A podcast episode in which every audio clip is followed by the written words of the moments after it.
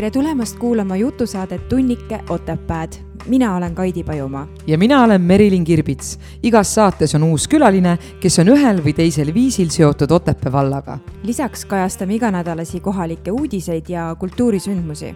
uus saade igal kolmapäeval. saate toob teieni Otepää Kultuurikeskus, et saadet toetab Otepää vald. head kuulamist taas on käes tunnike Otepääd. ja Kaidil oli väga halb tuju tegelikult enne, kui me panime käima, aga näe, kohe läks paremaks tuju, et see, see saade ikka teeb sul see on see ime, see, ei, ei, see on see imepärane harrastusnäitleja oskus, vaata. jaa, täiesti, tead, mul on harrastajatega üldse probleem, et proovis annavad kümme protsenti ja kui publik saali tuleb, siis annavad kakssada on ju, sa ei tea mm. iialgi, mis sealt tuleb nagu. et sa alati Jaa. üllatud, igal etendusel sa üllatud, sest nagu. aga mõtle, kui tore on siis nagu teha selliseid projekte, et kogu aeg on mingi üllatusmoment. hästi tore, sest proovis ma saan kümme protsenti no tead, ikka ei jõua kogu aeg anda endast maksimumi, ma saan täiesti aru nagu aga tead, see selleks. kuidas sul nende etendustega nüüd on? kogu aeg jooksed ringi või? Jaa, ma, kusjuures veider ongi see, et kui sa oled vabakutseline, siis sa pead mm. ju reklaamima ennast mm, -hmm. aga kui sul on näiteks mingid neli erinevat etendust, siis sul on keeruline, sa pead kõike korraga kuidagi reklaamima mm. -hmm. ja siis kõik eeldavad ka, et sa reklaamid seda, kus sa osaled mm. -hmm. lihtsalt nagu reklaamidki. ma vaatasin jah, et sa oled Instas ja Facebookis väga aktiivseks muutunud, kui me tuttavaks saime eelmise aasta veebruaris, siis sa ei olnud väga aktiivne ei olnud või mm? -mm. aga jah, sest siis ma alles hakkasin uuesti vabakutseliseks mm. -hmm. et see võtab vist veits aega, aga mul ei toimunud väga midagi selles mõttes ma tegelesin lavastamisega, mitte lihtsalt niimoodi mingi piu-pau seal. tegid ajalugu siin äh, Otepää vallas, mille Ag... kingi on nii raske täita sa oled nii irooniline. ei, üldse ei olnud, ma olen, ma olen, ma olen lihtsalt väga-väga aus. tead mida või? tead, mis ma äh,, meil oli emadepäev paar päeva tagasi, onju. lihtsalt üks sekund sellest võib-olla. nii äh,. vaata, öeldakse, et osad, kõik jagavad, onju, nagu sõbrapäev ja see, et, et äh, et võib-olla mõni tunneb ennast kurvana, onju ja tead, ma tajusin ennast hetkeks, et äh, äh, mul teatris on, ma olen ainuke, kellel lapsi pole. ja meie teater jagas nagu, et tervitame kõiki oma ägedaid emasid ja et aga mul ei ole seda oma päeva võib-olla või no okei okay,, naistepäev on, aga et ma tundsin Sünnipäev. korraks, et ma korraks tundsin, et ma olen nagu kõrvale jäetud mm., et ma olen nagu kehvem, sellel päeval ma olen teistest kehvem, sellepärast mul ei ole lapsi, ma ei ole ema. nii veider tunne tegelikult, et äh, jah, noh, kehvem sa kindlasti ei ole selles suhtes, et. aga see tunne, et sa oled kambast mm -hmm. välja jäetud mm, -hmm. et äh, ma ei tea, lihtsalt jagasin oma mõtet ja noh, vaata, see ongi see sotsiaalmeedia ilu ja võlu ja see on ju igas aspekti, aspektis aspektis, aspektis, aspektis. Äh, selliselt, et, äh, et jagame ainult selliseid ilusaid ja toredaid ja ägedaid hetki ja, ja siis kõik teised, kes seda vaatavad, tundubki, et kõigi teiste elud on korras ja hästi ja miks minul siis kõik nagu nii pekkis on, et eks see ole nende sündmuste jagamisega ka, mina nimelt ei pannud mitte ühtegi ei rasedaaegset pilti kuhugi Instagrami, mis väga popp oli, ega ka oma poistega, et ehkki poisid tulid lillesülemite ja maasikakorviga ja kõik oli nagu väga ilus ja tore, aga aga võib-olla kuidagi nagu liikuda sinnapoole, et et see, mis minu isiklikus elus toimub, tööasju ma küll jah, jagan, aga aga võib-olla see, mis väga-väga isiklik on, et on väga palju selliseid inimesi, kes võib-olla ei tunne siirast rõõmu sinu edu üle ja eks see negatiivne energia jõuab ju igale poole. lihtsalt, lihtsalt mulle tundub ka, et selle jagamine, et ma olen viimasel ajal avastanud üldse, et ma üldse ei taha jagada, et mul tekib korra see mõte mm, -hmm. aga miks ma seda jagan mm. -hmm see hetk on mul juba olemas mm, -hmm. miks ma pean seda teistega nagu jagama, et mul on tunne, et vahepeal need, kes väga palju jagavad, et mul on tunne, et äkki neil on väike mingisugune mure ja. sellest, et kas on liiga vähe tähelepanu, liiga vähe nagu heakskiitu või liiga vähe sellist positiivset mm -hmm. äh, energiat või mis iganes, et sa pead seda tegema, et sa mm -hmm. nagu ei ole päriselt siis õnnelik, vaid et. jaa, see on kindlasti. tekib ju adrekas, kus oh, oi kui palju likee ja värke, aga tegelikult see on ju võlts, see on kiirpurks, nii öeldakse, et mm -hmm. sa saad kiirpurksi aga tegelikult, kas see täidab sind, kauaks see sind täidab nagu järgmise pildini on ju. ja see on kindlasti sellise ühe puudujäägi või enda au, äh, enda sees oleva augu nagu täitmine, et kui sa tunnedki ennast nagu jube üksi mm -hmm. ja, ja sa paned nagu mingi lahedast sündmusest või ma ei tea, iseendast kuskil, ma ei tea, looduses pildi üles, siis sa korraks nagu tunned, et sa oled võib-olla nagu koos kellegagi, kui keegi kirjutab, et oh, nii lahe, et kus sa käisid või mis sa seal tegid või nii edasi, eks ju, et see on kindlasti puudujäägi täitmine, ma olen ise seda kogenud, selles suhtes ma saan kindlalt seda nagu väita, eks ju aga teiselt poolt selliste, mina olen ka viimasel ajal nagu mõelnud, et, et kui ma panen nagu mingi foto üles, et mis eesmärgil see nagu on et kui see on lihtsalt nagu mingi oo, fuck, ma nägin nagu jumala hea välja see päev, ma jagan seda teistega, on ju, no siis see on puhas edevuse laat ja anna andeks, Kaidi, sa pead oma teemadega tegelema, on ju. kui see on nagu mingisugune sõnum, millega sa saad reaalselt nagu kedagi võib-olla aidata või toetada, siis ma nagu kindlasti jätkan selle jagamist. aga see, mis sa välja tõid, et, et inimesed jagavad et sa saad aru, kui tal on mure, siis ma olen enda tuttavate pealt küll nagu näinud, et kui hakatakse mingisuguseid väga sügavamõttelisi tsitaate jagama, siis on ilmselgelt inimesel mure ja siinkohal nagu ka, et äh, pöörduge selle inimese poole. mina olen kirjutanud. mina olen ka kirjutanud, et kuule, et ma näen, et sul on midagi juhtunud, et kas sa tahad rääkida. kohe näha juba tuleb üks, nagu see on nii ja. selge, et inimene ise ei pruugi seda tajuda. sest ma ise tajusin ka, et kui mul oli keeruline mm -hmm. periood, siis täpselt samamoodi ma ja, jagasin täpselt sama ja, mõtteterasid ja, ja, ja, aga see aitas tollel hetkel, mul oli sel hetkel seda vaja, sest arvatavasti mul oli ikkagi vaja kuidagi rohkem inimeste tähelepanu kui muidu. no ilmselt on need tsitaadid ka kindlasti suunatud mingile konkreetsele inimesele selle inimese elus, et äh, me, me teeme, me teeme seda tegelikult alateadlikult, ma tunnen, et see tsitaat kõnetab mind, aga tegelikult valu on ju väga-väga nagu subjektiivne või väga võib-olla nagu ühe valdkonna põhine, et on see siis nagu näiteks noh, enamjaolt me jagame mingisuguseid suhtepõhiseid tsitaate, kui on mingisugune kriis, on ju, siis tegelikult me ei julge võib-olla seda mõtet nagu teisele inimesele öelda, aga läbi sotsiaalmeedia jagamise me ikkagi kuidagi alateadlikult loodame, loodame, et, et see jõuab selle konkreetse inimeseni. isegi aga... kui ei jõua, siis sa tegelikult ise tead, et sa oled selle välja nagu ja välja saatnud. ja, aga kui mina olen selliseid tsitaate kunagi nagu jaganud ja mulle on kirjutatud, et kuule, Kaidi, et äh, kas sa tahad rääkida, et lähme kohvile või, või mis iganes, kasvõi istume ja vaikime koos, on see nagu väga palju aidanud, nii et äh, ma soovitan ikkagi nagu märgata, mitte nagu mõelda, et oh, kuule, tal on mingi, jagab mingeid nõmedaid tsitaate, et ta ei saa oma eluga hakkama. ma ei saa aru, miks ta peab jagama oma isiklikku elu, et issand jumal nagu..., kedagi ei koti ju. jah, vaid pigem nagu. ja, ja, ja siis ta võib-olla ei pea jagama, kui tal on päris inimene, kellega rääkida. et vaadata nagu asjadele südamega noh, ilmselt need asjad olemas. saavad juba alguse äh, kaugest äh,, ma ei tea, lapsepõlvest ja, või noorusest ja me saame noortest kohe hakata rääkima, sest meil on noortega seotud külaline täna saates, nii et Tõsi. kui me annaksime võimaluse ka oma külalisel meie vestlusesse astuda, siis. sest noh, nagu näha, on ju kaks väga isekat inimest istuvad siin mikrofoni taga nagu. Raivo oleks ammu juba köhinud, et kas juba saab ta kusjuures hakkas naerma või vastas midagi peale küll, kui me jäime pikalt jorutama. aga jaa, tõesti, me ei ole Merksiga siin kahekesi meie tänane külaline on üles kasvanud ja elanud Otepääl. ülikooli viimasel õpinguaastal asus ta tööle Otepää noortekeskuse juhataja ametikohale. lisaks on ta ka ujumistreener, seega töötab mitmel rindel, aga sihtgrupp on ikka sama, lapsed ja noored. töö noortega on teda alati paelunud ja ta tunneb, et nendega töötamine inspireerib tegutsema ja õpetab suurel määral kannatlikkust. tere tulemast saatesse, Kätlin Nuka tere, tere. noh, palju sina siis äh, postitad ja. oma isiklikku elu? Ma kusjuures just, äh, kui te rääkisite, mõtlesin sellele, et mul käis, ma arvan, poolteist aastat tagasi vist käis see klõks, et aitab, enam ei pane. et need, mis olid, need jäid, aga juurde ma ei ole nüüd lisanud. et kõik need Insta story'd ja mis need on, et äh, kui mõtlema hakata, siis see võib-olla oli ka see, et äh, on vaja näidata, et oh, ma käisin seal ja mm -hmm. ma tegin seda ja et tegelikult ma arvan, mida vähem sa jagad, seda lihtsam sul endal on tegelikult see näitab seda, et sul on kõik nagu hästi või selles mõttes sa ei pea nagu näitama kellelegi mm, -hmm. et, et kui palju on tegelikult seda olnud, et sa tead, et sellel paaril on kodus halvasti mm, -hmm. aga need pildid räägivad midagi muud ja need, kes on üksikud mm, -hmm. vaatavad, oi, neil on ilus pereelu mm, -hmm. tegelikult see ei ole nii. sest mina olen ka seda kusjuures trehvanud, et kui ongi inimesel nagu elus kõik korras, et noh, okei okay,, tööalased postitused küll, see on nagu fine, on ju, aga, aga kellel on tõesti toimiv paarisuhe nad ei postita väga palju pilte ei, nagu äh, kas mm -hmm. koos või ka üksinda, sest see terviktunne on sinu sees ja sinu kodus ja teie nagu paarivahelises suhtes ja sa ei vajagi seda mingisugust tõestamist või näitamist väljapoole, et pigem ikkagi nagu postitavadki inimesed, kes on äh, vallalised aga noored postitavad Või tegelikult probleemid. päris palju ja igast väikesest äh, liigutusest, et kas te olete noortega nagu, ma ei tea, kui palju sina otseselt noortega üldse kokku puutud, kuna sa oled nagu juhataja nii-öelda, on ju, mhm. siis äh, kui palju sa otseselt noortega üldse kokku puutud või sa võid natuke lihtsalt rääkida, et mis sinu tööülesanded üldse on või mis sa teed mm -hmm. oma töö juures? no noortega ma selles mõttes puutun ikka kokku, kaks äh, päeva nädalas nagu kindlasti kontaktina aga eks see juhataja amet ikka on rohkem ka selline paberimäärimine no. ja mingite asjade tegemine, mis võib-olla tegelikult mulle nii väga ei meeldigi.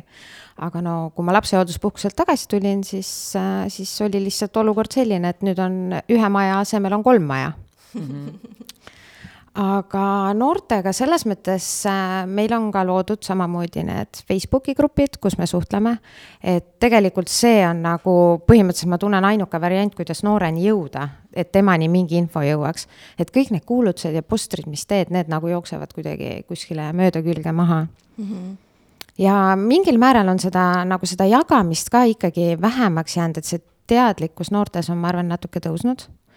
et varem oli küll, et noh, ikka igast jama jagati aga kas te räägite ka noortega sel teemal või on nendega eraldi selliseid vestlusringe läbi selle, et mida, mis, vaata, lihtsalt mul on tunne, et vist läbi selle sotsiaalmeedia võib ära kasutada sinu mingisuguseid infot ja pilte ja asju, et kui mm -hmm. palju üldse noortega sellel teemal me oleme rääkinud ikka ja oleme ka jaganud, on äh, keegi veebikonstaabel, ja kes alles tegi nagu selle postituse ka, et miks mitte saata endast mingeid pilte või või kuidas seda võib sinu vastu ära kasutada, et ja ma tean, et koolides äh, tehakse ka mm -hmm. seda nagu ennetustööd, et tegelikult see, seda tööd tehakse palju, aga eks siis äh, sealt selles mõttes äh, leiad ka ilmselt mõne noore, kellel ongi nii-öelda see appikarje, et mingi mm -hmm. tsitaat või mõttetera või lauluke postitatakse väga sihuke sügavamõtteline, et siis saad ka aru, et noh, kõik ei ole ok. huvitav, kuidas vanasti nagu inimesed enda valudega tegelesid, kui ei olnud sotsiaalmeediat, kus nagu jagada? Läksid metsa ja karjusid igasuguseid muid väljendusvahendeid oli. et, et tegelikult sotsmeedia on üks väljendusvahend äh, noortele ja mitte ainult noortele, te ju, me näeme enda ümber inimesi, sa näed, noh, näed ära, et tal on ikka suur probleem kuskil mm. -hmm. tegelikult ma üldse äh, olen mõelnud, et jumal tänatud et äh, minu enda nooruses ei olnud äh, sotsiaalmeediat. mida kõik YouTube'i. oleks jagatud, kui ma mõtlen, mis toimus nagu. päris hirmus oleks või praegu neid vaadata oleks nagu uh,. aga keegi miks? filmiks neid jaa, ma mõtlen praegu nad filmivad ja nad tulevikus vaatavad neid, aga nad on nagu nii palju muutunud ja arenenud, et ma mõtlen, ebameeldiv kindlasti vaadata ja. neid mingi mineviku asju nagu. ei no üks asi on see, kui sa oled ikkagi juba teismeline ja sa jagad mingisuguseid story sid, eks ju, aga noh, minu meelest ma, ma nagu ma olen kogu aeg nagu mõelnud, et kuidas need inimesed, kes jagavad oma lastest pilte, kus lapsed on alasti, et kuidas sa nagu sellele ei mõtle, et see laps on seal võib-olla, ma ei tea, pooleaastane või on aastane või kaheaastane, kus tal ei ole nagu isegi nagu valikuvõimalust nagu noh, see jääb ju sinna. ma isegi olen no, mõelnud täiesti äh, ilma, ilma ri riietes lapsed nagu., et nagu kas see laps tulevikus tahab, et temast oleks mingi sihuke video, et ema on teda viilinud, et oi, näe, vaata, mis ta teeb nagu mm. -hmm neid on ka nii palju, ma mõtlen, et ma ei tea, mis kohaga need emad ja pered mõtlevad. no mina nagu selles suhtes enda poistega küll olen pilte lisanud, aga, aga need on nagu, ma ei tea, sündsad ikkagi. viisakad. jah, et just see al-, al-, alastuse, alasuse kuidas see sõna on? jah, siis sa nagu kodus harjunud ju oma last nägema, sa ei mõtle selle peale mm, -hmm. et ongi see, et mul on tunne, et inimesed ei mõtle lihtsalt selle peale, nad ei mõtle nagu läbi seda. kuigi tegelikult sellest räägitakse ka väga palju, et ärge jah. pange lastest selliseid pilte. jah mm -hmm see on noh, jah, see on. aga äh, tuleme siis päris algusesse, et sa oled küll äh, sündinud ja kasvanud Otepääl, aga kui sa läksid äh, õppima, mida sa õppima läksid? Kõigepealt peale gümnaasiumi lõpetamist ma õppisin rekreatsioonikorraldust Tartus, kutsekas, ja siis ma läksin Viljandi Kultuuriakadeemiasse ja eriala oli huvijuht ja laultegevusõpetaja. et no põhimõtteliselt noorsootöö ikkagi et selles suhtes, et kui see äh, konkurss välja kuulutati, et otsiti noorsootöötaja juhatajale amet või nagu inimest, siis, siis sa tundsid, et see oli kohe nagu midagi sinu, sinu jaoks? jaa, ma tundsin küll, sest noh, nagu kes ei tahaks oma kodulinna tööle tulla, tutvused ja kõik, aga eks ma ikka natukene kõhklesin ka, kuna ma siis elasin Tartus aga kus sa praegu elad? Äh, Otepää külje all, Valgervel, Paksu metsa sees. aa, Valger, okei okay,, ma just mõtlesin, et kui sa Tartus elad, et miks sa, miks sa ikkagi Otepää valisid, et tegelikult noh Tartus on kindlasti ka väga palju võimalusi mm. -hmm. sest noorte, noort, mulle tundub just, et vähemalt Otepää põhjal ma näen, et, et äh, tihtipeale toimub nagu noortekeskuse nagu nendel, kuidas neid nimetatakse, noortekeskuse mitte juh-, juhid, kes, kes töötavad noortega, mis noorsootöötajad. noorsootöötaja, et tihtipeale on puudus nendest nagu mm, -hmm. et neid ei ole, et kas see on igal pool niimoodi ja? Kui niimoodi jälgida, siis tegelikult on jaa, päris paljudes kohtades, et äh, eks selles mõttes see palgamäär on nagu ilmselt. ikkagi alamakstud jah? nojah, eks ta ikka on jah, aga no noorsootööd sa saadki teha siis, kui nagu, kui see töö meeld-, ei, kui sulle töö meeldib ei, see missioonitöö, sama on õpetajatöö, ma arvan, et seda ei ole võimalik teha, kui sulle ei meeldi mm -hmm. lapsed see oleks päris kurb et on olnud neid inimesi, ma tean, et ta on läinud ühelt töölt nagu ta on näitleja olnud, ta on läinud õpetajaks ja ta tunneb, et ta ei suuda seda teha nagu. et see ei ole laste suhtes aus, ta mõtles, mis on väga aus mõte jällegi nagu mm, -hmm. et see ei ole laste suhtes aus ja, ja ta on ära läinud nagu. jah, võib-olla see nagu selles mõttes, et kuidas ma noorsootööni üldse jõudsin, ma just. suhteliselt nagu noorest peast teadsin seda, et ma tahan nagu midagi sellist õppida, kus, mis nagu koosneb sellest, et tööks on noored. Aga kuna ma ise olin päris tihe noortekeskuse külastaja ja ja ma selles mõttes, et ma liikusin ka ringi, võib-olla mitte sellises seltskonnas, kus noh, kuidas nüüd öelda, noh, pigem raskemate noortega. Ma ütlen, et tegelikult kui meie, mina käisin ka noortekeskuses ja kui see, seal oli ikkagi kaht sorti nagu noori, ühed olidki need, kellel polnud midagi teha ja neil polnud kuskil olla ja oligi väike sihuke trimpamine mm, -hmm. konitamine onju, ja siis olid teised aktiivsed noored nagu, kes siis vedasid nagu seda asja ja, ja, ja mulle tundus see kombo nagu selles mõttes ülihea, et ühed olidki need aktiivsed ja tublid ja si-, aga kaasati neid, kes lihtsalt nagu, kellel polnud midagi nagu teha mm. -hmm. et see ei olnud kerge aga mulle tundus, et see oli pigem nagu ikkagi andis neile miskit positiivset nagu koos tegemise rõõmu või midagi. naljakas on nagu see, et kogu see noortekeskuses käimine ja see noorsootööle vaatamine lapse või noore seisukohast on nagu minust täiesti mööda läinud, sellepärast et noh, kogu algkool, põhikool ja ka keskkool, ma elasin maal ja käisin linnakooli, ehk siis äh, nii kui tunnid lõppesid, ma läksin kohe bussiga koju, eks ju, ja elasingi seal suu-, nagu majas suur metsa keskel, on ju et äh, ma üldse nagu ei mäleta seda või, või ei oska kaasa rääkida, et mm, täpselt, et missugused noored olid, et pigem ma näen nagu praegu täiskasvanuna, et noh, mis probleem on, on ju, et noh, muidugi praegu Covid on kõik need probleemid ka vist suhteliselt minimaalseks tõmbanud, mis, mis kätkeb endas kuskil kaubanduskeskustes äh, jõlkumist, et ma ei tea, kui palju seda üldse praegusel hetkel nagu no on. ikka on, ma arvan, et see ei muutu selles mõttes, et äh, aga mina olen ka, me vist nägime päris mitut noorsootöötajat oma selle noorteka ajal mm, -hmm. et äh, päris suur võti on selles, kes on see inimene ja kuidas ta noortega läbi saab aga, aga sa mainisid seda, et äh, sina olid ka ise pigem äh, sellises kes- keskkonnas, kes olid nii-öelda nagu raskemad noored. et kas läbi selle suudad sa praegusel hetkel täiskasvanuna ja noorsootöötajana midagi teisiti või kuidagi teistmoodi suunata neid, neid noori, kes, kes teie juures käivad ja kes ka võib-olla ei ole või sellised mõista. kõige õige, õigemal, õigemal teel nagu. kindlasti, selles mõttes ongi see, et noh, kui sa oled ise oma nooruses teinud natuke võib-olla siukseid asju, mida ei peaks noor tegema mm, -hmm. siis sa suudad noh, neid paremini mõista, aga samas on ka see, et ise mäletad, et äh, kui sulle kogu aeg öeldakse, et äh, ära tee suitsu, suits on halb ja kätsatatakse ja käskkirjad ja muud jutud, siis tegelikult see ei aita ju mm. -hmm. et nagu mingi põhjus on seal taga, miks noor seda teeb või igas noores on kuskil peidus see, tal on mingi anne, et isegi kui ta on see noh, nii-öelda siis see paha noor, kes teebki mingeid äh, koerustükke ja, ja on pigem sihuke kiuslikum, siis tegelikult temas on kuskil midagi peidus, et see tuleb lihtsalt üles leida et ma arvan, et ma kindlasti suudan, kuna ma ise olin selline noor, siis ma suudan neid paremini toetada ja mõista. ja aga teine asi on ka see, et vaata, kuna sinust on saanud ikkagi ilus ja terve ja korralik äh, täiskasvanud inimene, et kuidas nagu seda peegeldust just nagu teha, et jah, et mina käitusin ka näiteks nii nagu teie praegu või, või, või võib-olla tegin mingisuguseid asju hullemaidki, kui teie praegusel hetkel olete teinud, aga et kuskohast sinus nagu see lüke tekkis, et kas keegi aitas sind või noh, väga isiklikuks ei pea muidugi minema, kui sa ei soovi jagada, aga ma mõtlen, et kas läbi selle sa suudad neid nagu nii-öelda tagasi kutsuda, seda oma õiget rada leidma? no minu selles mõttes aitas ilmselt õigele teele mu konkreetne isa. et ilmselt tema on selle taga, aga võib-olla on ka see, et iga noor peab ikkagi suutma ka ise mõista ja mõelda, et mm -hmm. ei ole nii, et äh, noh, et kui sa teed suitsu, siis sa oled lahe, et mõtle ikka ise, kas see on lahe, kas sa tahad seda teha või teed sa seda sellepärast, et sinna kuuluda, sinna seltskonda, et et tihti ongi see, et noored teevad äh, asju sellepärast, et kuskile kuuluda. See kuuluvustunne on lihtsalt nii oluline.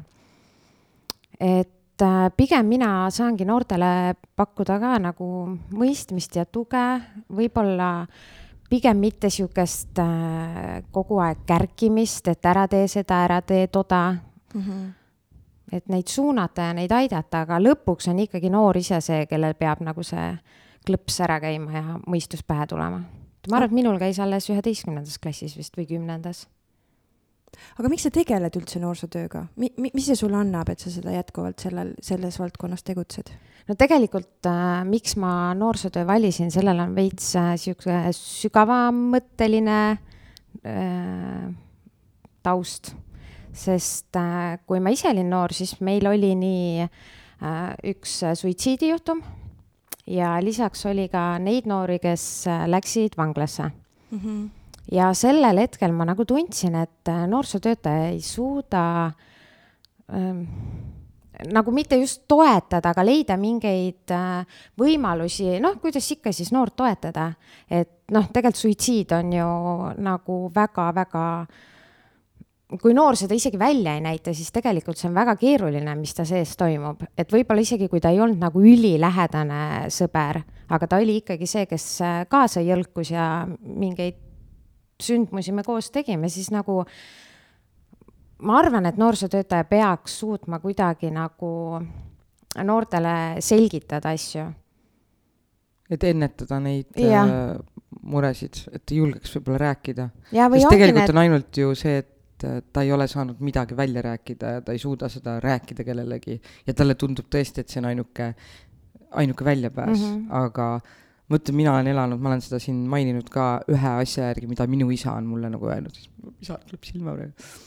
et, et igale probleemile on lahendus mm -hmm. ja kui inimene, kui noor, mis iganes, teab seda, siis tegelikult see juba, see mantra nii-öelda juba ju aitab ja kui tal on keegi, kelle poole nagu selle probleemiga pöörduda või ta julgeb rääkida, sest minu meelest ongi hästi palju noortel praegu seda, et nad ei julge Nad ei julge tulla oma murest rääkima või, või nad ei leia seda võimalust, kuidas sinu poole pöörduda, et hästi palju nad kardavad nagu eksida aga no noorsootöös nagu seal ei ole võimalik eksida.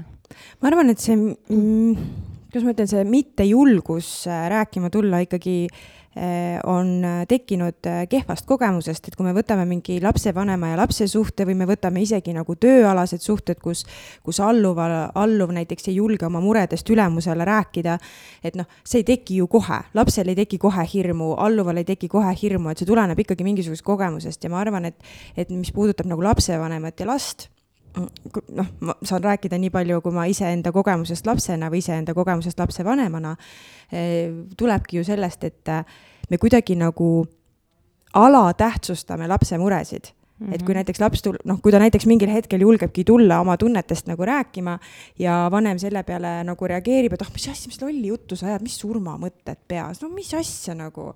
jumal küll ilus, terve laps, tead koolis on kõik hästi ja ei ole vaja siin rääkida, ära üldse võtta seda surmasõna suhu, eks ju.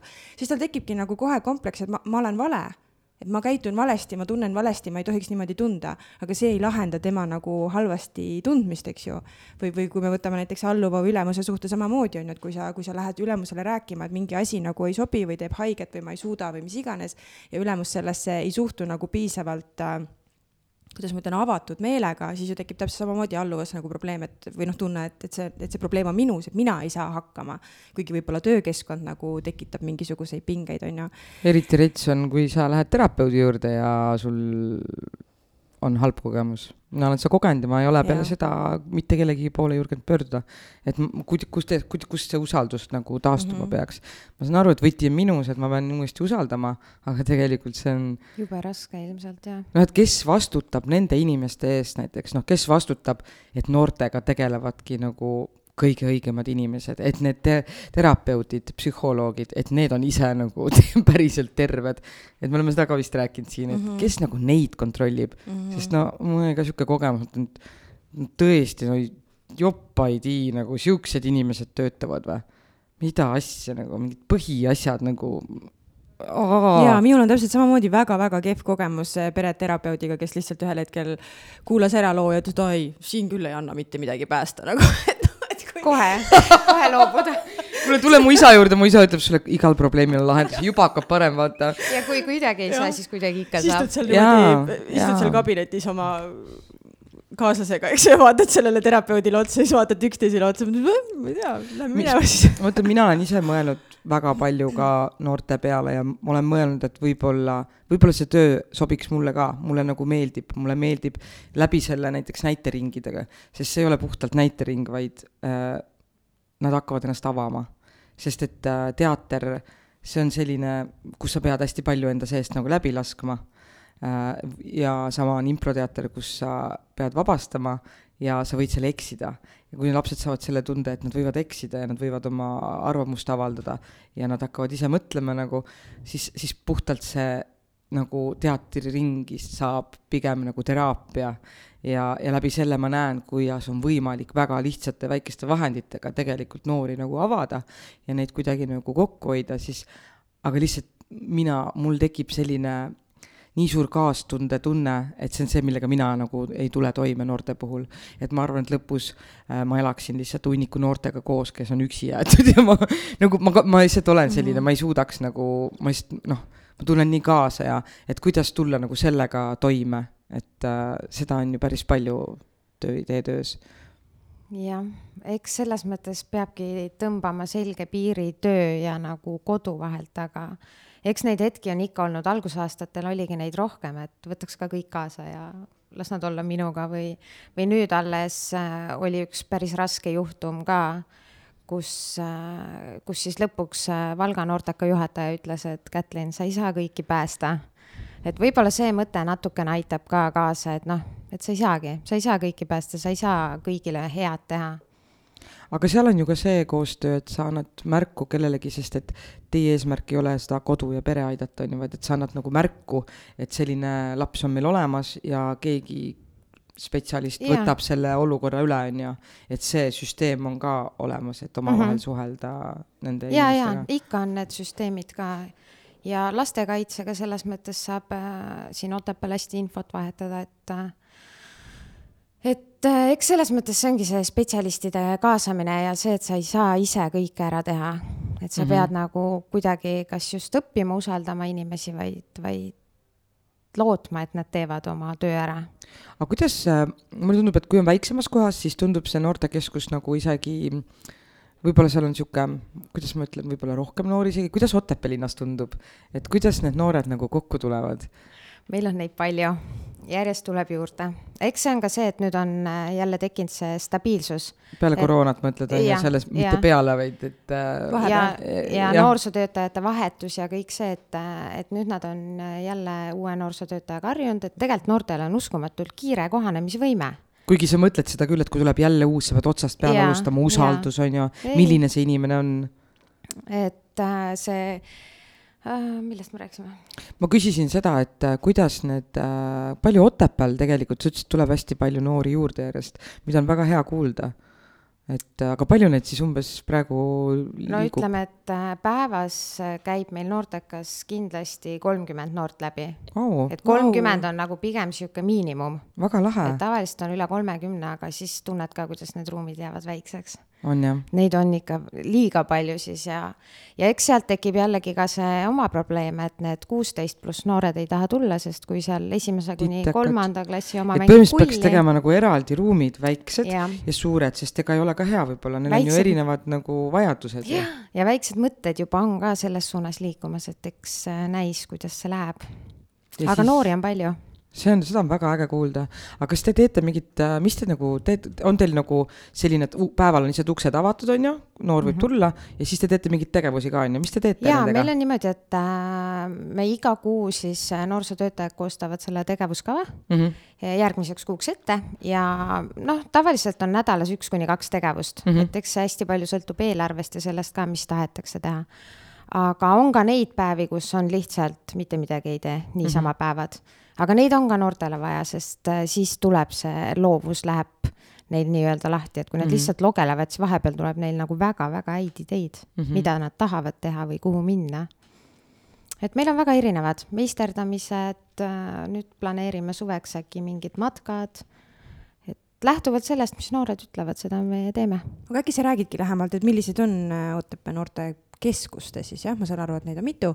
nüüd ma ei tea, lähituleviku, lähikuute plaanid, sündmused. meil on, kas Nõuni on ka teie all või, või Nõuni eraldi? Nõuni on selles mõttes Marika on eraldi nii-öelda, okei, okei. nagu Kultuurimäe all. et Puka, Sangaste ja Otepää on ju? Puka, Geeni Puka, ahah, geeni, okei okay.. no põhimõtteliselt Sangast, aga jah, selles nagu mõttes piirkond Sangast, aga ta on geeni koha peal ja, aga Pukas on Pille on ju ja mm -hmm. geenis on praegu või... Eneli. Eneli, okei okay.. ja Otepääl on Katrin mm, -hmm. nüüd kuu aega olnud. okei okay. Ehm,.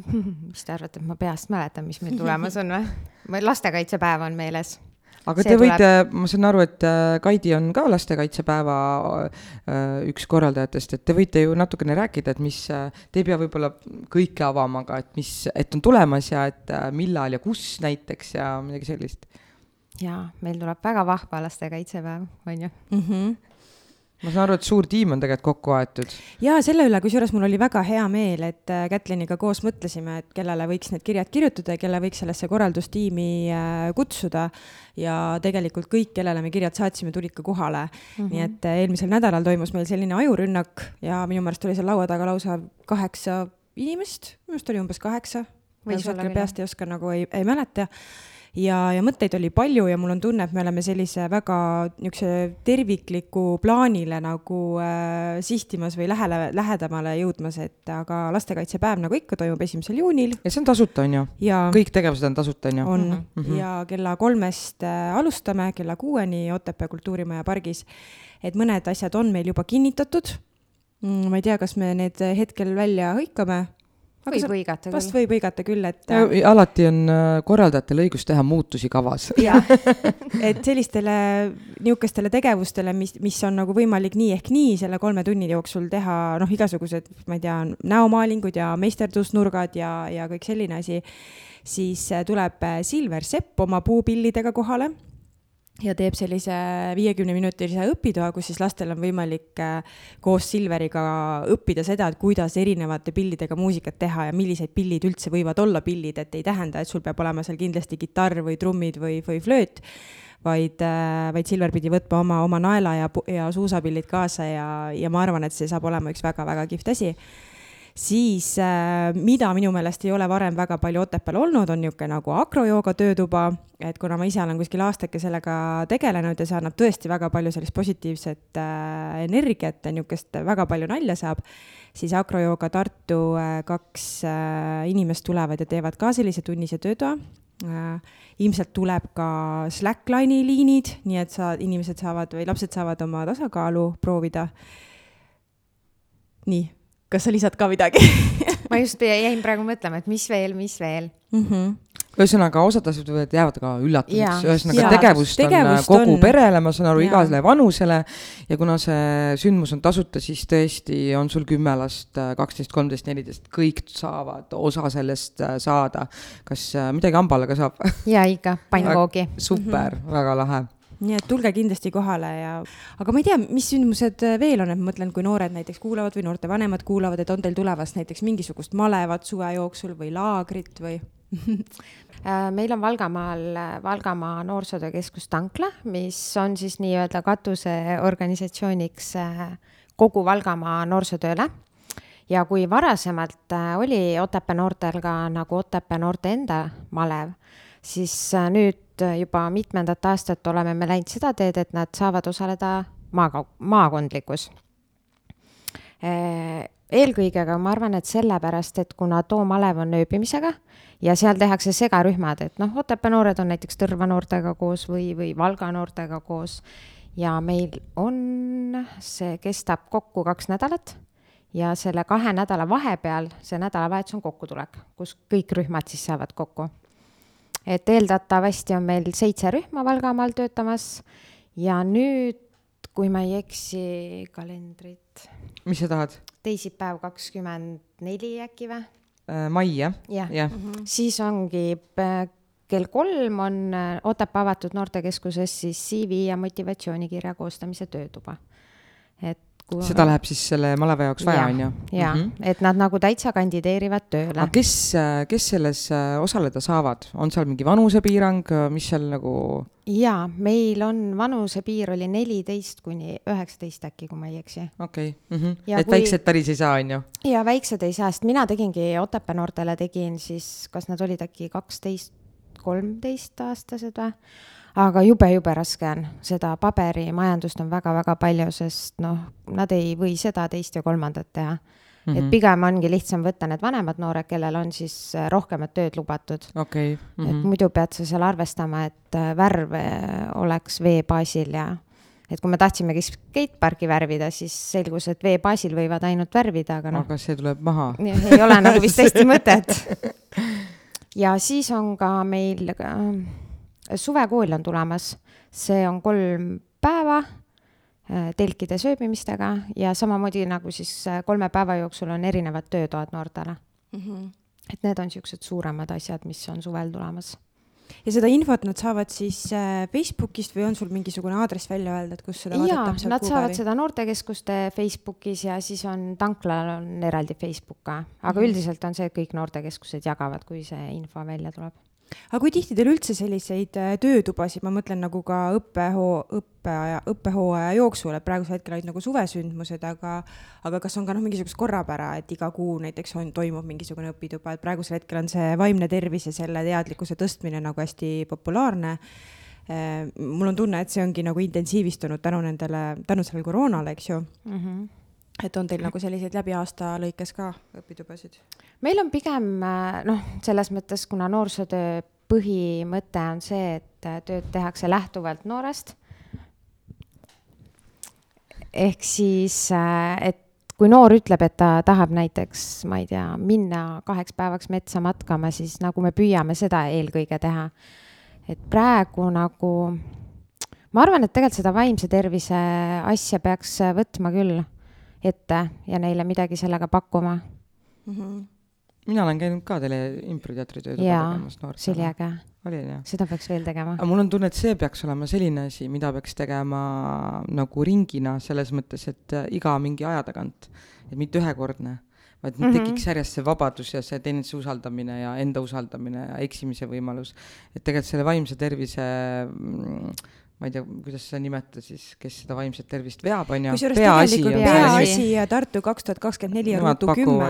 improteatri äh, tööd, improteatrite, improteatri nagu juhendaja koolitusi, et igas ma-, kuskil nagu kohtades nad koolitavad juhendajad välja, kes hakkavad koha peal siis tegema seda nagu neid ringe nii-öelda ja hmm., et see on üks improteater Ruutu kümme, et teevad põhimõtteliselt sama asja, mis me tegime, et võib-olla selle programmi raames, ma ei tea, kas see noortele ka nagu käib, aga võib-olla nagu saab seda ka. no tegelikult on praegusel hetkel see konkurss ka veel käimas, ma ei tea, kas see kandidaatide otsimine on juba lõppenud, et nad on võib-olla jõudnud juba sellesse vestluste vooru, kus ongi Tartu kaks tuhat kakskümmend neli, Peaasi ja Ruutu kümme otsisid Lõuna-Eestisse nagu selliseid äh, kogukonna improkoolitajaid et äh, leida nagu sellised sädeinimesed, kes siis hakkavadki kogukondades koha peal neid improtöötubasid nagu äh, läbi viima. et ühelt poolt on nagu nüüd selle aasta sügisest hakkabki koolitus, mis kestab üheksa kuud, kus siis koolitatakse reaalselt see inimene välja, kes siis kord, kord nädalas või, või kord või kaks korda kuus hakkab tegema selliseid äh, improtöötubasid. et minu meelest see on väga vahva ja ma ei tea, võib-olla äkki Otepäält ka keegi kandideeris sinna. loodame. jah, loodame, ma arvan, et seal võiks ka noori rohkem kaasata, et ma ei usu, et täiskasvanud väga alguses jooksevad tormi improvisatsioonilise teatrivormi poole. et äh, aga kui noori rohkem kaasata, siis ma arvan, et äh, see oleks nagu ka väga suur võit juba. Mhm. tead, mina olen kolmes sellises töötoas käinud ja seal on väga palju ka selliseid äh, kolme-neljakümne aastaseid inimesi, mis on nagu minu meelest väga tore. ei, absoluutselt jaa, aga need on need äh, ma olen ka kolmkümmend ja peale. Ma ka. ei lihtsalt, kui sa tulla, tuled lihtsalt Otepääle ja hakkad noh, selles mõttes, et äh, tal ei ole nii suurt võib-olla nagu mõjud, et seal kohapeal on just need sädeinimesed, kellega sa oled võib-olla nagu kambas käinud. et see eesmärk on minna tavainimeste hulka keskele ja kellel pole tegelikult teatrihuvi sellist või teha teatrit mm, -hmm. aga et jõuda nende inimesteni, sest et seal ei ole tegemist midagi näitlemisoskusega, vaid seal on tegemist enda vabaks laskmisega ja mm, -hmm. ja see on nagu naeruteraapia, sest see on hästi lõbus ja, ja vabastav nagu tegevus noortega äh,. räägi, kuidas sa, kuidas sa ujumistreeneri ametini jõudsid? tegelikult ongi hästi huvitav see, et ma olen oma kaks äh, nagu siis unistust täitnud, mis on mul juba olnud nagu suhtelisest, ma arvan, et lapsest peale. Ma mäletan seda, kui ma olin mingi seitsmeaastane ja mul isa tegi Pühajärve rannas äh, ujumise algõpetuse tunde. ja no mina olin siis see katsejänes, keda väänati ja keerati ja pöörati ja kes pidi ette näitama ja kuidagi sealt see tuli ja ma arvan, et ma olin gümnaasiumi juba paar aastat lõpetanud, kui ajalooõpetaja Heivi Truu tõi mulle mingi essee moodi kirja. Ja seal oli ka siis kirjas, et äh, minu eluunistus on saada rannavalvuriks või siis äh, ujumistreeneriks. ja kuidagi, kuna mu õde on ujumistreener, siis ju? Mm. jah, sealtkaudu kuidagi nagu arenes asi ja noh, nüüd ma siis olen niimoodi kahel rindel aga kuidas sa said, sa pidid mingi koolituse läbima? jaa, koolitused ja eksami ja see eksam ei olnud lihtne. Nii, räägi mulle, mis see ujumistreeneri eksam, mis sa seal tegema pead? Äh, no erinevate tehnikate kohta on küsimused, siis seal on äh, ütleme nagu siis üldiselt spordi kohta siuksed nagu väga süvitsi pidid teadma seal mingeid mikro- ja makrotasandeid ja mul oli juba suht aju ikka jumala erroris sest sa mõtled üt... inimkeha ehitust või? no jaa, ja seal ongi anatoomia või? jah, no seal oli seda anatoomiat ka ja õnneks anatoomiat oli vähe, aga seal on ja mingid sporditasandid ja oi, sest muidu ma ei ole väga sihuke emotsionaalne inimene, et hakkaks kuskil teiste ees lihtsalt nutma mm. -hmm. ja siis ma tegin seda eksamit. ja ma olin rase ka tollel hetkel mm. -hmm. ja siis ma sain teada, et ma kukkusin läbi, üks mm -hmm. vale vastus oli. ühe vale vastusega kukkus läbi või? Äh, no seal oli mingi protsent, ilmselt oli võib-olla kaks vale vastust, aga seal oligi selles üldainetes võis olla hästi vähe neid. ja no pinge oli ikka nii suur ja ma ei läinud käega lööma, selles mõttes, et ma olin ikka väga palju ette valmistanud. ja siis juhtus see, et ma kukkusin läbi ja siis ma lihtsalt nutsin. ja nüüd me muidugi siiamaani õega naerame, et kui me seda näeme, kes see eksamineerija oli, et, et tal on kindlasti head mälestused, kuidas Kätlin nutis aga seda ei tohi ka karta, et sa oma emotsioone väljendad nagu, see on täiesti ja. normaalne. aga ma saan aru, et sa ikkagi teisel korral said läbi ma sain läbi, tegelikult ma sain niimoodi läbi, et äh, ühe küsimuse apelleerisin või midagi mm, -hmm. et seal oligi mm -hmm. tegelikult kaks õiget vastust, aga okay. nad ei olnud seda arvestanud.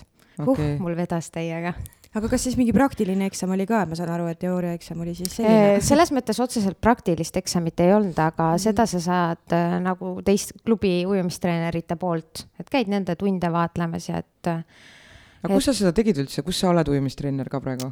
Praegu ma olen ujumistreener kaks korda nädalas Valgas ja ühel korral käin Põlvas. aa, okei okay. ja mis vanustele, vanuses lastele sa annad tunde? kõige väiksemad on alates viis eluaastat ja kõige vanemad on, ma arvan, et mingi seitseteist.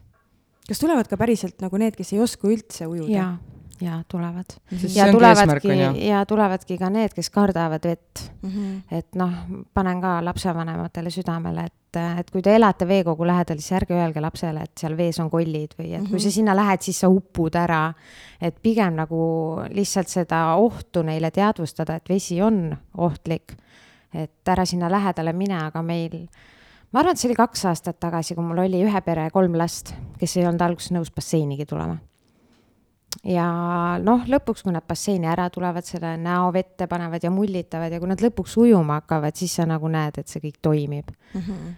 et äh, treeneritöös on jah see nagu, et sa seda oma töö tulemust näed suhteliselt nagu kiiresti noh, ütleme niimoodi, et ühe hooaja lõikes, et siis äh, septembrist kuni maini. Vau, aga seal ei ole ju füüsilisega midagi pistmist selles mõttes, et see on ikka päris äh, suurelt osalt nagu vaimne töö, mida sa teed ju. kuidas teid selleks ette valmistati, olid teil nagu mingid äh,, ma ei tea, psühholoogiakursused, et kuidas nagu? ei olnud. see on sul puhtalt ju endalt, kuidas ja. sa ise nagu sellega toime tuled? ülikoolis äh, noorsootöö raames ma sain küll psühholoogia loenguid, aga, aga jah ja ongi see nagu see kannatlikkus, et äh, ma olen andnud ka koolitunde ja samamoodi üks õpilane siis kartis minna vette ja ma küsisin ka, et, äh, et sa oled ju ujunud, et ma tean, noh, ta oli tuttav. ja tegelikult tuli välja, et äh, kunagi õpetaja oli ta lükanud basseini. ja peale seda oli nagu täiesti kriips, et et neid veega seotud hirme on hästi lihtne lastele tekitada, aga et neid ära saada, see on nagu väga-väga raske ja pikk töö ikkagi. pigem nagu veega sõbraks saada, kui lihtsalt ja, hirmutada, on ju. et noh, alguses ongi lihtne, hästi sihuke mänguline ja lõbus, et et kui nad vanemaks saavad, siis on nagu rohkem niisugune tehnika ja. aga kas ujumis, ujumise õpetamine on ka ohtlik, on olnud ohtlik olukord, et keegi uppuma hakkab või? jaa, ikka on kuidas sa sellega, minu, minul, ma, mina olen see, kes, see väike ärevus, ärevuse probleem, et ma, mina, esimene asi, ma mõtlen ette seda, et kuidas kõik upuvad, nagu ma ei, kuidas ma neid aitan. mul tekib kohe see pinge nagu, et see on nii suur vastutus jällegi, sa vastutad võõra nagu lapse eest. Et... jaa, vastutus on väga-väga suur, et äh, ma arvan, et ma olen ikka neli-viis korda küll hüpanud järgi, et isegi vist sellel sügisel. Äh, noh, selles mõttes, et alguses, kui nad tulevad esimesse tundi, siis sa räägid kõik, küsid, et kas oled ujumas käinud, basseinis käinud, kõik noogutavad. ja siis läksid kaks õde basseini. ja tegelikult tuli välja, noh, lastebassein oli õnneks, et lühik või noh, madal vesi aga siis tuli välja, et tegelikult nad ei ole kunagi vist isegi niimoodi vees käinud, et tiigis või kuskil. ja lihtsalt äh, nad ei, nagu nad ei taju seda, kuidas see vesi neid kannab või kuidas seal kõndida, et see on raskem. ja lihtsalt vajusid ja vajusid vee alla, noh. kas ei ole midagi, hüppad oma suspedega sinna sisse ja küll nad päeva jooksul ära kuivavad. et selle juures on ka nagu hästi tähtis see, et kui ta on algaja laps, et tal ei tekiks seda hirmu sealt mm. -hmm. et kui ta kohe esimese saab negatiivse kogemuse, et siis seal teed mingit nalja ja aga need tüdrukud samamoodi ujuvad, küll abivahendiga veel, aga ujuvad. aga on sul nagu mõni olnud ikka täitsa kohe sellega lõppenud, et on vaja lausa ei. elustamist teha? ei, ei, nii hullusti mm -hmm. ei ole, et eks sa ikkagi äh, jälgid neid nii pingsalt seal kogu aeg, et. aga see ettevalmistus on sul äh, olemas ja oskused?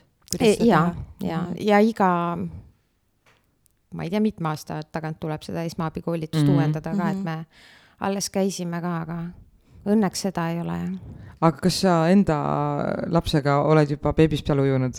E, suhteliselt küll jah, aga eks oma lapsega on ikka see, et ema süda, et siis alguses oli õde see, kes teda vannis vee alla pani. aga kas, aga kuidas see, kuida-, mis, mis sellega on, kas päriselt imekud oskavad ise mm -hmm. nagu hinge kinni mhm. hoida, sa võid julgelt nad vee alla Neil on see refleks olemas jah, ma ei mäletagi, mitmenda elukuuni see kestab. ja mis mm -hmm. siis saab? Eh, noh, siis kaob ära, et ta ei pane vee all. siis tõmbab purku või? no kui ta ei ole, kui sa ei ole harjutanud teda vist tollest ajast saadik, mina mäletan, ma esimese lapsega käisin ka, ta oli ikka seal, ma arvan, mingi kolme-neljakuune äkki või, või võib-olla ei, vist ikka kaela kandis ikka korralikult juba et äh, ta oligi, et kõigepealt ka, äh, kallas see treener talle nagu topsiga vett äh, näkku või noh, pähe niimoodi, et ta teeks, teeks nagu yeah. selle efekti, et ta tõmbaks hinge kinni ja siis tšah, niimoodi nagu sukeldus. päris ja... nii ei ole jah, et võtad lapse kätte, jah? jah, et kõigepealt Sukelda. ikkagi ta nagu jah, et see, et sa ei pane lihtsalt vee alla kohe, vaid kõigepealt nagu, et, et toimuks see et sa näed, et ta nagu... reaalselt teeb seda mm. ikkagi, mitte no, lihtsalt sa ei lähe lapsega vee alla, onju. aga noh, see käib nagu, nagu kohe, eks ju, et kallab vee peale või noh, vee nagu pähe, eks ju, ja siis tšah, nagu vee alt läbi, aga minu lapsed küll, neile väga meeldis ja ei olnud mingit, mina, mina kartsin nagu rohkem, ma olin ikka kõrval ikka paanikas. siis ta ütleski, et ah, et emmedega ongi see probleem, et ega nemad ja. ei julge seda vaadata, et laps ei karda midagi aga kui nii väiksest peale kogu aeg teha, siis ei ole mingit probleemi veega ja ujumise ja kõigega, on ju, et kui ei lihtsalt... ole, neil tuleb hästi kiiresti tegelikult see, õpivad väga kiirelt. äge. aga see on huvitav ikka, mul vanaema näiteks äh, ta elas ka eluaeg veekogude lähedal ja siin Otepääl on hästi palju vee ja ta ei osanud ujuda no mis ma ise olen kuulnud, et vanasti oli päris palju seda, et noh, lükatigi sind silla otsast vette ja uju välja või ei tea, mis muidu saab. õppimine on ju, kusjuures mina olen umbes niimoodi ujuma. õppinud, et ma hüppasin vette ja lihtsalt liiguta nii kiiresti, kui saad, et kaldale nagu mm.. mingi sihuke õpe toimus nagu. et nüüd jah, õnneks ma loodan, et keegi enam niimoodi ei õpeta vähemalt. aga Kätli, millised on sinu vaba aja tegevused, millised on su hobid, millega sa ennast maandad? kuna see vaba aeg on mulle tegelikult väga meeldib äh, koristada. ossa! seda ei ole küll kunagi mulle keegi öelnud. talle meeldib koristada, nii. ja selleks võiks rohkem aega olla mm. -hmm. mulle meeldib, kui asjad on oma süsteemis, sahtlis on kord, praegu on seal suht kaos mm. -hmm. selles mõttes see Covid oli mõnes mõttes hea, et sa said kõik nagu korda teha, aga noh, kaua sa neid kappe ikka niimoodi koristad. ja mulle tegelikult äh, noh, ikkagi selles mõttes mulle meeldib sport ka, joosta, ujuda et ma arvan, et jooksmine on üks hea variant, kuidas ennast maandada. kui tihti sa jooksmas käid? viimati käisin kaks nädalat tagasi vist. maratonil ei tahtnud käia ei või?, ei, ma, ma ei tea, sellised asjad kuidagi, pigem ma nagu teen en, enda jaoks või Just. Nagu ei maksa oma piinale peale, mm. -hmm. et lihtsalt minna metsa ja ongi, kui ära väsid, siis kõndida ja aga Otepää tüdruk, kas sa suusatad ka? ei, enam mitte, aga olen suusatanud. aga kas tegelikult sinul on eeldusi ju küll väga sportli, nagu spordile, kas sa ei mõelnud sportlaseks hakata? Eh, tegelikult selles mõttes ma tahtsin käia ujumistrennis, väga tahtsin. ja ma mäletangi, et ma oma tolleaegse lapsepõlve sõbrannaga käisin siis eh, nagu omal käel Pühajärve spaas ujumas, kui see sinna tekkis. ja seal meid see Mart siis õpetas, aga kuna Otepääl ei ei see Lill tema meid eh, juhendas ja, aga kuna Otepääl ei olnud tollel ajal äh, ujumistrenni mm, -hmm. siis äh, noh, vanematel ei olnud lihtsalt võimalust Tartusse vedada ja, ja ilmselt ma ei tea, võib-olla bussiga ka ei usaldanud mind hullukest kuskile, et, et niimoodi ta jäi, et siis ma nagu omal käel olen neid asju teinud, et mm. -hmm. ma ei tea, võib-olla on hea ka, et ei saanud sportlast, et nagu see on keeruline ikkagi elu, ma arvan. mitte, et see noortega töötamine just nagu kergem oleks, aga no see on ikkagi teistmoodi, see selles mõttes annab mis- ja võtab.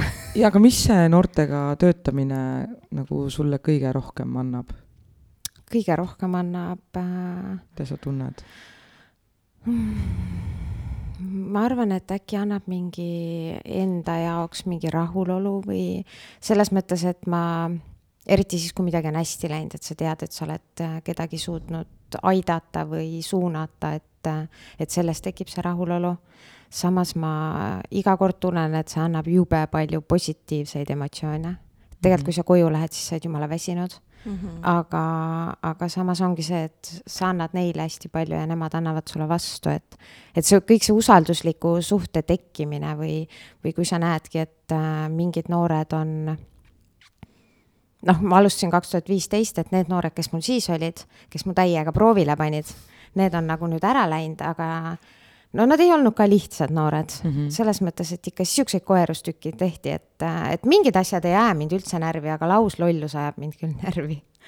aga et nendest on ka täiesti normaalsed inimesed kasvanud, kes käivad koolis ja elavad juba väikest viisi mingit pereelu, et, et ähm, et ma arvan, et see töö noortega on lihtsalt selline, mis, mida sa saad teha siis, kui see sulle endale väga-väga meeldib ja kui sa suudad noortega kannatlik olla kas on ka midagi,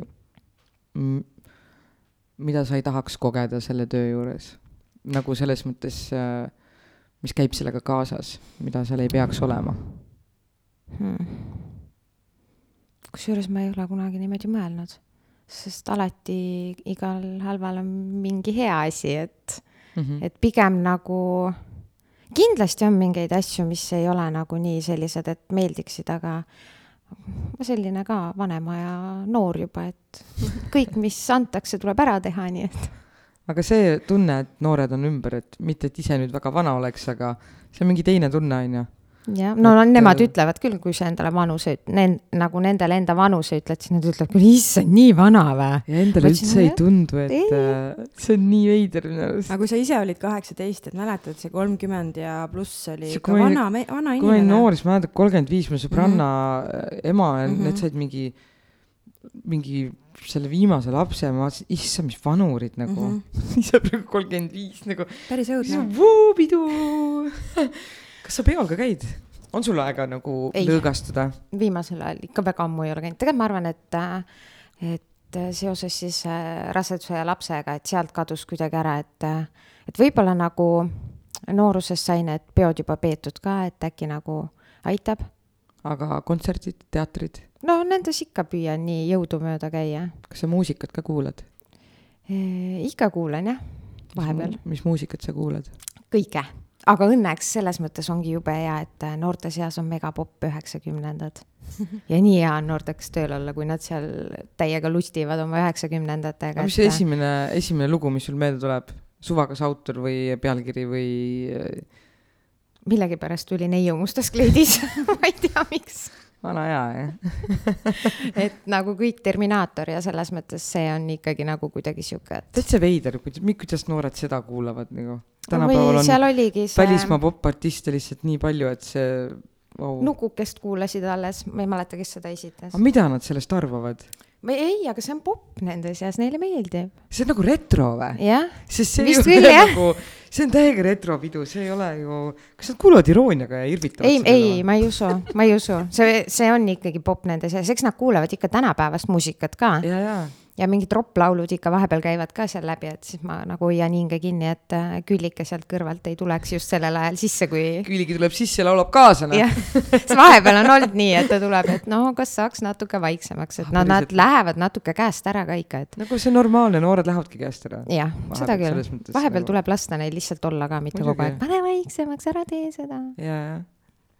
Mina arvan lihtsalt, et vanasti osati muusikat teha ja, ja muu nagu mood, nagu mood tuleb iga kümne aasta tagant tagasi, nagu öeldakse, küllap tuleb see muusikamaitse ka, et äh, noh, mina ei tea, kui tänapäeva muusikat ikka, ikkagi nagu kuulata, no ei ole ju väga palju mingit hullult head popmuusikat nagu. popmuusikat ma ei kuula üldse nagu. põhimõtteliselt. ei no, noh, jah, me teame, miks sa enam popmuusikat ei kuula, onju, aga, aga no see ei ole ainuke põhjus selles mõttes, ma arvan lihtsalt minu äh,, lihtsalt kuidagi inimesena hakkad arenema, sa hakkad hindama hoopis teisi asju mm. Mhm. et äh, ma hakkan hindama vaikust, ma hakkan oma mõtteid hindama, mida ma nagu, oma aega ja see, mis käib taustaks äh,, on tegelikult tapeet ja müra, et neid asju ma lihtsalt ei kuula, ma ei risusta oma elu lihtsalt nendega enam mm. -hmm. et äh, see on pigem seotud võib-olla minu kui inimese arenguga. aga milline oli viimane raamat, mis sa lugesid, Kätlin? see on pooleli veel. nii, selle nimi kõlab kuidagi nii, et äh, raamat, mida su vanemad oleksid võinud lugeda või midagi siukest. ma olen isegi kuulnud sellest mm. -hmm. mingi erootiline raamat või? raamat, mida su vanemad vaata, selles mõttes, et nüüd räägitakse nagu, nagu rohkem avatumalt asjadest. jah, jaa, et pigem ongi praegu ilmselt ongi need mingid kasvatusega seotud mingid raamatud või vana su laps on? kolm. Aga sa loedki selle tõttu, et rohkem õppida nagu lapsi tundma ja kuidas nende Jah. arengud ja jah, kas raamatutest on abi ka? on ikka, aga eks seal on ka selles mõttes tõlgendamise küsimus, et ise pead ka natuke kriitiline olema, et või, või mis iganes info suhtes. jah, see allikakriitilisus on alati väga-väga nagu äh, positiivne olla, aga meie teekond äh, siin tunnises äh,, tunnisel rajal hakkab äh, läbi saama, mõni minut on veel jäänud. kas sul on endal mingisugune mõte või teema, millega sa täna siia tulid, aga mida me ei ole jõudnud näiteks avada? Ehm, hetkel vist küll ei ole, ma arvan. Kui Merilinil ka ei ole rohkem? on, tulista. ei, ma mõtlesin seda, kas sa ise oled ka mõelnud, et sinu laps saab ka kunagi selleks nooreks, kes äh, tänaval ju ringi käib, et kas sa oled mõelnud ka selle peale, et milline, milline laps temast kasvab või et kas sa kuidagi lapse vanema, vanemana oled teistsugune läbi selle, et sa oled noorsootöötaja, sa näed nii palju noori enda ümber. jaa, kindlasti, selles mõttes, et ma arvan, et ma suudan mingil määral nagu seda äh, tema kasvamist äh, ühesõnaga ise võib-olla vabamalt natuke võtta, et ei ole nagu kogu aeg sihuke pinge peal või või noh, nagu me õega nagu on must huumor, et äh, kui tema laps nagu poiste poole hakkab vaatama, et siis ta läheb internaatkooli, et jah, jah, või kõik nagu siuksed teemad, et jah. ma arvan, et äh, selles mõttes, et eks me kõik äh, nagu kunagi kuskil keegi ütles, see Yes lapsed on Instas, ma ei tea, kas te jälgite või? sealt tuleb päris äh, häid pirne vahepeal, aga seal oli ka see, et noh, et äh, et iga nagu see generatsioon on kasvatuses midagi pekki keeranud, et ilmselt keerame meie ka, aga see on normaalne. et läheme teise äärmusse liiga yeah., liiga vaba on ju, aga see usaldus on ju ikkagi, et laps Jaa. ei kardaks äh, jagada sinuga ja need asjad on ju mm. Mhm. -hmm. ma arvan, et see on mõneti isegi meie DNA-sse nagu sisse kirjutatud, et, et me peame nagu tegema vigu nii nagu laste kasvatamisel kui ise lastena kasvades selles suhtes, et me nii või naa, enamus inimesi lõpetavad ükskord terapeudi diivanil, sest eh, muidu ei ole ju sellel eksisteerimisel siin väga mõtet, et eh, valu on siiski ju see, mis eh, kannustab meid ise, iseenda sisse vaatama ja lahendusi leidma ja kui kõik ole-, kui kõik on jube lilleline, hea, mõelge oma elule, onju. kui kõik on jube hästi, siis ega väga nagu ei, ei tegele sellega, et kes ma olen või miks ma olen. mul tuli üks nali meelde, me käisime pühapäeval esteetika tantsukooliga esinemas Kevadkontserdil ja me olime, meil on nunna kostüümides tants. ja siis mingi väike laps ja isa olid ja siis see väike laps kuskile kadus seal ära või midagi, isa ütles, kui sa ära kaod, siis sa lähed nunnaks või midagi, vaata. tegi mingi siukse nalja, et kurat, need on väga ohtlikud naljad ikkagi lastele öelda, et see, seesama hirmutamise nali, vaata, muutud kolliks või lähed nunnaks ja. nagu see oleks midagi halba, see on valik see on valik. pigem ei tohi niimoodi vist öelda jah lastele. laps ei saa, vaata lapsed ei saa alati äh, nagu. me ei tee naljal ja. irooniast ja, ja, ja sarkasmist. laps ei saa sarkasmist absoluutselt aru. et osadele meeldib nagu lastega naljatada ja mm -hmm. siis tal tegelikult kaob elus ka ära see mingisugune elu tõde ja, ja vale ja selle vahepeal ja temast võib samamoodi kasvada sihuke. kusjuures seda ma olen küll avastanud endal selle seitsmeaastase pojaga, et noh, mina ka ikka päris tihti nagu teen nalja või ütlen midagi läbi huumori. ja ta nagu päriselt ei saa vahepeal aru ja, ja on olnud nagu paar korda ka, kus ta on nagu reaalselt nutma hakanud nagu ma küsin, et nagu mis asja, mis juhtus, ta ütles, päriselt ütled mulle niimoodi või? siis ma ütlesin, issand jumal küll, ma tegin nalja ju, et see oli ju nali. et ta nagu ei saanud aru, aga samas, kui ma näen teda nagu sõpradega siis nad küll nagu on ikka niisugune huumor seal, et, et ma vahepeal nagu silm, kulmud tõusevad sinna juuksepiirile ja mõtled, issand, minu poeg ütles praegu niimoodi. et kuidagi see ema ja lapse suhe võib-olla on nagu natuke teistsugune, et, et laps ei eelda seda, et ema sinuga ema sinuga nagu... mingit nalja viskab, onju. ema on tõsine, kes ütleb ainult, mida tegema peab. ja nagu., ja mida teha ei tohi, eks ju, nii et selles suhtes mõneti ikkagi võib harjutada lapsi ka noorest peast, et äh, mingisugune iroonia ja huumor on nagu tervislik äh, mõtlemisviis ja, ja mida varem, mida vara, vara, varasemas eas seda hakata juurutama, ma arvan, seda, seda vaimselt tervemaks teismeliseks ka ta saab, et ta ei võta mm -hmm. kõike kohe hinge ja südamesse, onju. aga. rohkem ei ole praegu. oleme liikunud meie saate viimase küsimuseni, mida me alati kõikidelt meie külalistelt küsime. kas sul on mingi äh, mõttetera või siis tsitaat, mis on sind kandnud kas äh, terve elu või on tekkinud viimasel ajal, millele sa mõtled, kui ei ole olnud kõige kergem päev? hmm.. Um, selles mõttes sellega tuli mul kohe meelde see mõttetera, mis on tee seda, mida sa armastad mm. -hmm. ja kuidagi mind on võib-olla kandnud läbi elu see, et äh, kui kuidagi ei saa, siis kuidagi ikka saab aitäh sulle, Kätlin, selle tunnikese eest ja ma loodan, et neid noori ikka tuleb su juurde veel ja veel ja saad oma ideid, äh, kuidas neid võib-olla eraldada, teostada, teostada. ja ma loodan ka. ja aitäh, et sa oled ja, ja et sa just Otepää valisid, et ma arvan, et see, see, et sa oled Otepäält pärit ja kuidagi see ikkagi, see tunne on ikka teine, et kui sa oled siit pärit, et siis, siis see missioonikas on võib-olla natukene teistsugune kui, kui lihtsalt nagu töö, kuigi palun, tee siis vahet oma tööl ja oma eraelul. tere, võta kõike kaasa ilusat kevadet sulle! ja teile ka!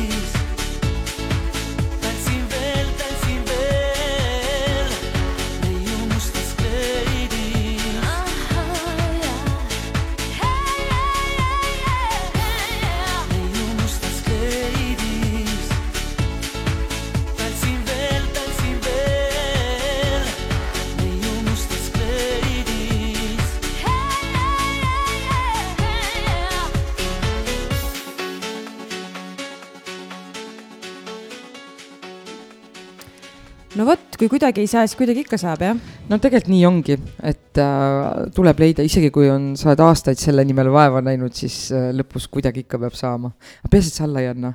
jah, vahepeal on küll selline ja kusjuures vahepeal on ka okei okay,, panedki jalad seina peale ja mõtled, et ma mingi aeg näiteks sellega ei tegele. just. et äh, kuskil oli äge tsitaat, mina vana tsitaadimutt on ju mm, -hmm. oli seal öeldud, et, et oluline ei ole, et oluline on teha vahet puhkusel ja allaandmisel, et puhata on okei okay,, aga ära alla anna, nii et Jaa, umbes niimoodi see kõlas. kui kohe ei õnnestu, siis võib mm -hmm. tekkida mingi teine võimalus, kuidas selle lähendada, et ei tohi nagu minna paanikasse sellest, et kui seekord ei õnnestunud mm. -hmm jah, ja tore, et Kätli niisugune inimene siin on, kes südamega asja juures on ja ja meil siin tekkisid tegelikult eetriväliselt veel äh, mõned mõtted, mida siia, kuidas sellesse noorsootöösse panustada, et äh, eks näis, kas nendest, tegelikult kas see ka vilja äh, kannab. noori võimalik igale poole kaasata, lihtsalt selleks peab natukene rohkem aega leidma ja, ja sellesse nii-öelda aega investeerima. jah, ja süvenema nagu, et mitte lihtsalt kuidagi üle, üle jala ära teha, et. sa pead väga nagu ette valmistama selles mõttes ikkagi, kui sa juba teed nagu, et mis see neile annab ja miks nad seda teevad ja.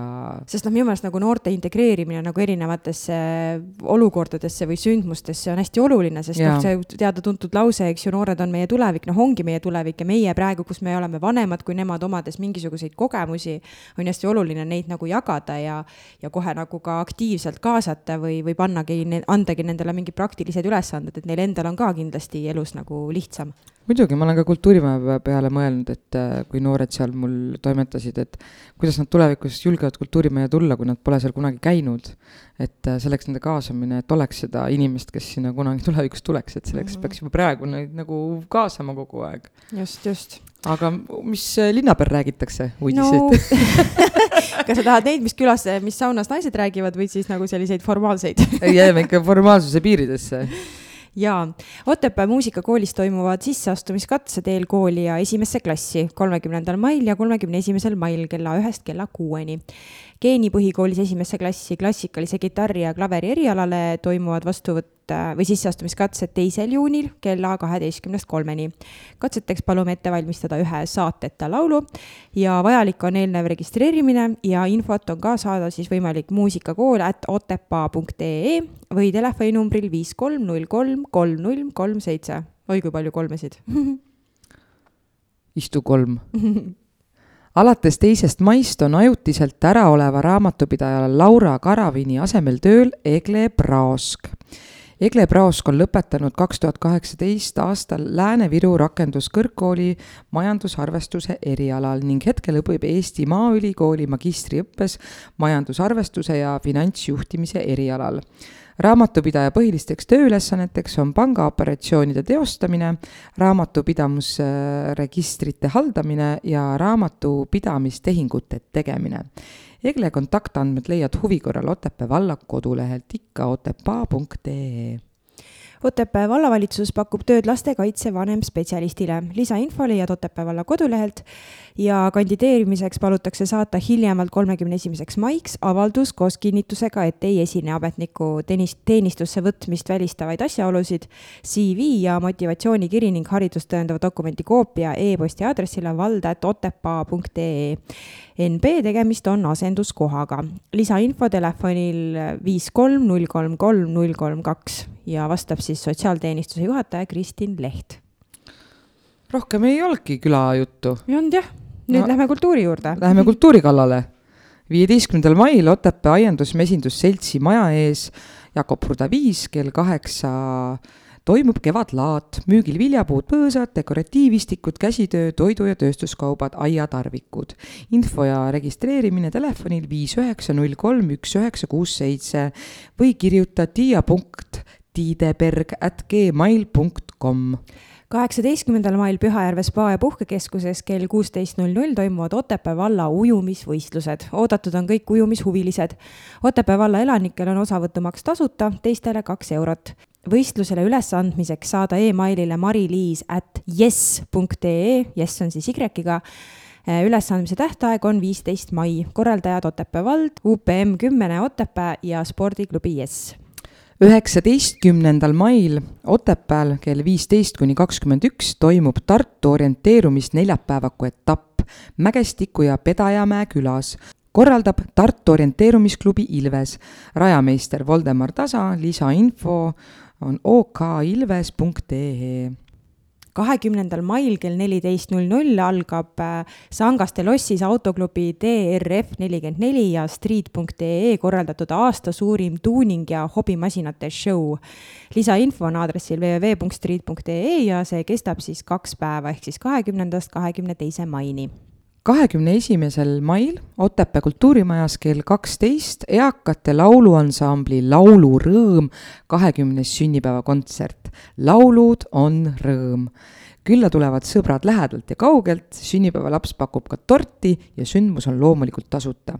lisainfo kultuurikorraldajalt Merle Soombergilt viis kuus kuus kaks kuus neli kaheksa üks kahekümne esimesel mail Sangaste kultuurimajas kell kakskümmend null null kevadine tantsuõhtu ansambliga Maamaa. pilet kümme eurot, avatud on kohvik ja kes soovib lisainfot, siis saab seda kultuurikorraldajalt Marina Pulverilt telefonil viis kolm null null kaheksa kaks kaks kuus Otepää kultuurimajades on üleval mitu näitust, millega on võimalik tutvuda. kuni kahekümnenda maini on Puka kultuurimajas Bellis Kulmani maalinäitus näitusel on valitud vaateid nii Lappi kui Ahvenamaale kui Peipsile, HSK-le ning kodukandi Rannu Püha Martini kirikule.